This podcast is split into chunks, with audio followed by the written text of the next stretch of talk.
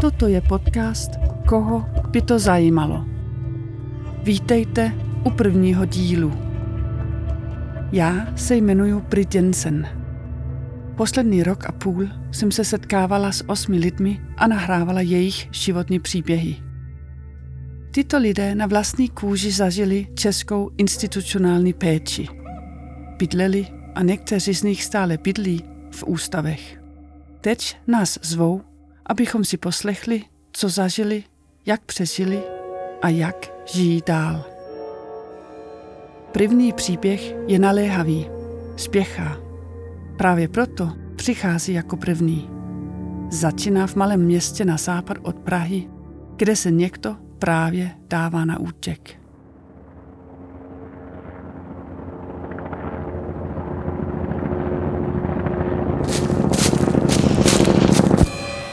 Začalo to útěkem. Jednoho dne v září, pozdě odpoledne, odešel z budovy. Nikomu nic neřekl. Odešel zadními dveřmi. Spěchal rychlými kroky. Šel a šel, dokud nedošel do lesa. V lese našel mysliveckou boudu. Schoval se v ní, v koruně stromu. Nad lesem letěl vrtulník.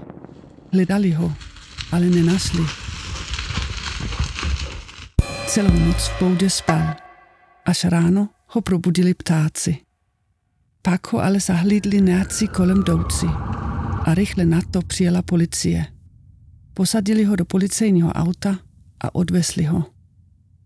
Tak zavolali policajti, aby se sedl do auta a odvezli mi. Vlasta Pouška. Bylo 2008, Než utekl do lesa, bydlel Vlasta v takzvaném domově v Sávidově.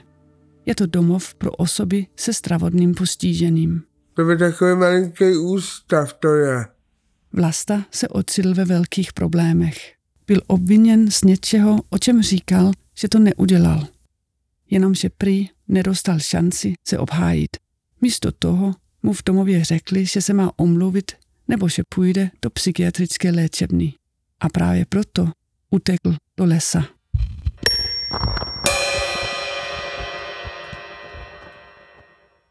Já jsem si narodil 81, 81, Vlasta se narodil v březnu 1981. Máma mě hned porodila a už jsem skončil kolem nějakou ústavným. Hned po narození byl dán do kojeneckého ústavu. Ale nejdřív byl v inkubátoru. Já jsem byl nedo, nedonesený. Mamince byla 15 a táto bylo 23.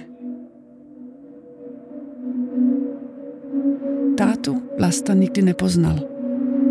Mámu ale najít chtěl. Jsem, jsem napsal dopis, tohle maminku, Když Vlastovi bylo 14, napsal dopis, že hledá mámu. Jsem to poslal a oni mi poslali dopis adresou, kde maminka, kde se pohybuje. Napsali mu, kde bydlí. Tak já jsem napsal, o ty doby jsme si psali. A od té doby se dopisovali. A co ona, jak ti to máma řekla, že proč tě dala do kojenáku? To jsem si neptal. To jsem si neptal.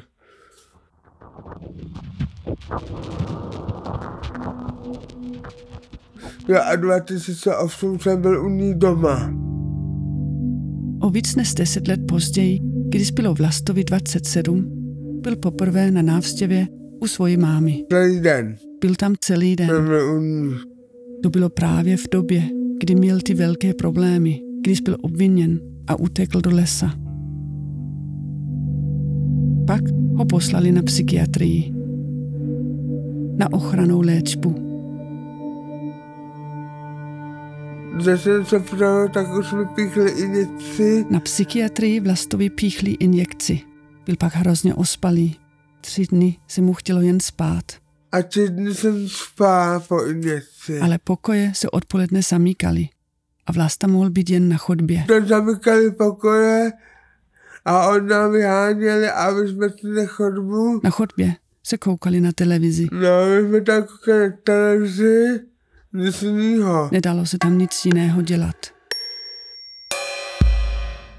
A chodili jsme na zahradu. Ven na zahradu se chodilo jedině s ošetřovateli. Ven, ven se nemohl ani na, na vůbec. Čtyři roky se nesměl ani ven. Vlasta žil sa s těmi psychiatrické léčebny čtyři roky.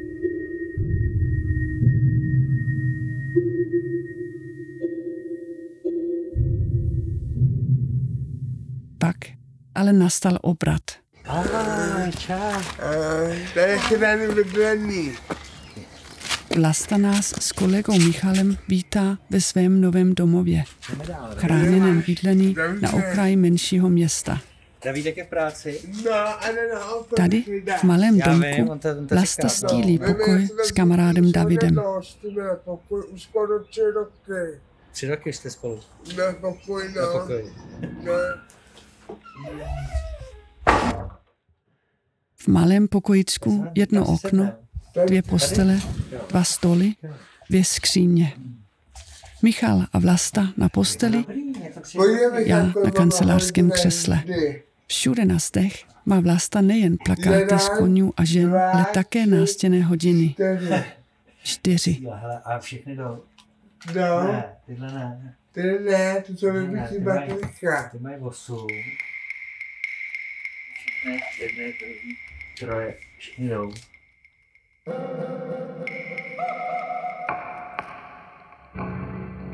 Máš nápad, o čem budeme nahrávat dneska? No, no. Máš jo? Jo. Mm, Mně se nelíbí vychovačky ze Závidová. To vždycky to vám ve Vlasta chce mluvit o domově v Závidově. Tak oni řeknou ne, Právě a od to je tamtud to. tehdy utekl. Jak, jak dlouho jsi tam bydlel? 19 let. 19 let? 19, no. Oh, to je dlouho. No. No, no, no, dávali do klece, jo. Ve Závidově Vlastu dávali do klece. To byla taková postel a to byla klec, no a my tam vždycky Byla zamykali. a zároveň A my tam klec. zamykali, Zamkli ho v kleci tam a zamykali musel tam a zůstat se dva tam dny. dva dny kleci. A to se mi nelíbilo. To jsi byl dospělý muž? To už jsme mi dospěli, no. To by bylo na 20.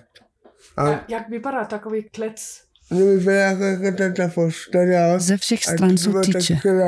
Ty tyče, takhle, a tady měla dvířka a oni nám tam dávali a pak nám tam zamykali zámkama, aby jsme se nedostali.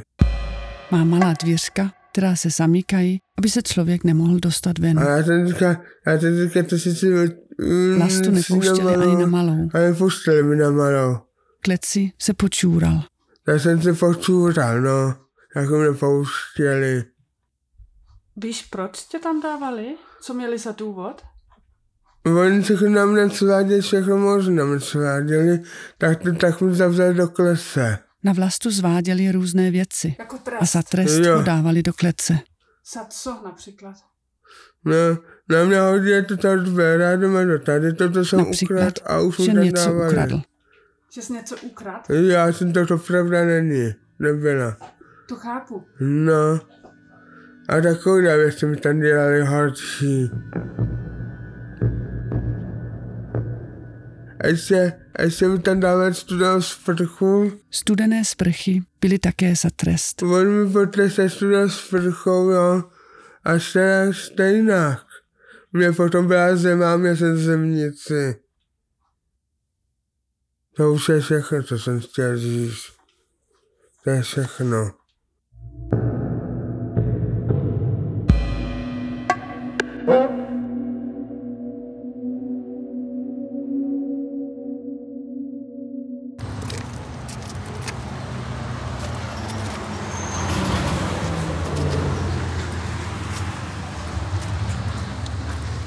Kam, kam chodím pod maso. Že co? Kam chodím pod maso Ježíškovi. Víte, maminka? Jo, jo. Kousek od domu je malý obchod, kam chodí Vlasta pro maso. No, Tady je zahradnictví. Kousek vedle je záhradnictví. Tady prodávají se taky věci. No, Tady to hned je, že? tady no. A ještě o kousek dál autobusové nádraží. Se autobusáku. Vlasta má autobusák, vždycky jezdí jak mu autobusy. říká, rád. Vždycky večer si dostat sedno a koukám. Večer si sem chodí sednout a kouká.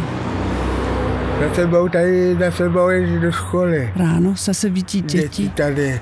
Jak odjíždějí do školy. A Oni, oni, oni se rádi smějou děti lidem. Děti se rádi smějí lidem. Děti se smějou. No, no, myslím. Jako mě, Třeba já tady okolo, já se chodím do školy, tak se mi taky smějou. A nevšímám si, já jdu dál. Ale nevšímá si jich dobře. No, a jde dál. no. Ale mi se na kránce líbí.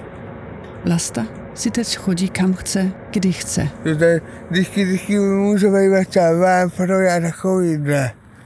A tam já jsem byl tam, za video, tak jsem nemohl nikam. Já jsem tady spokojený. A právě proto se mu v chráněném bydlení líbí.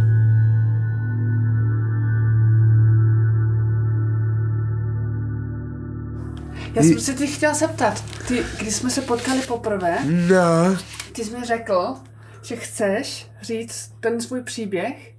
no, Můžeš mi říct, proč to bys chtěl vyprávět? jo, no, chtěl bych to vyprávět ten příběh, aby věděli, kdo je domová, aby věděli, aby to chránil bydlení je lepší, je domově, to si celým domovu na světě, dohledá chrání bydlení, tak asi tam se hlasujou. A to je všechno. Aby ostatní lidi, kteří žijí v domovech a ústavech, věděli, že chráněné bydlení existuje a že je možné takhle žít. To je kamera autobuse. To znáš? No. Znám hodně dlouho. To poznal. Já, poz, já, já vždycky poznám.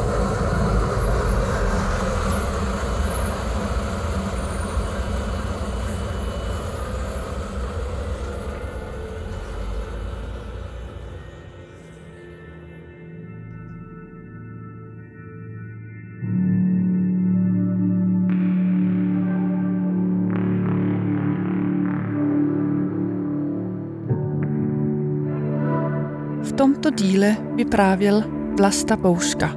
Hudbu složil Tomáš Vtípil a Martin Ožvold. O zvukový design a mix se postaral Martin Ožvold. Já se jmenuji Brit Jensen. Příběhy jsem nahrávala a sestříhala. Epizoda vznikla v úzké spolupráci se sociology a antropology Danou Hradcovou, Michalem Senkem a Anou Fontánovou. Ilustrace vytvořila Dorota Práždovičová. Dramaturgické konsultace Martina Pouchla. Podcast vznikl s podporou norských fondů a nadačního fondu nezávislé žurnalistiky. Je součástí výzkumného projektu Životní příběhy za lidská práva, realizovaného na Fakultě humanitních studií Univerzity Karlovy. Více o projektu najdete na stránkách www.životnipříběhy.com.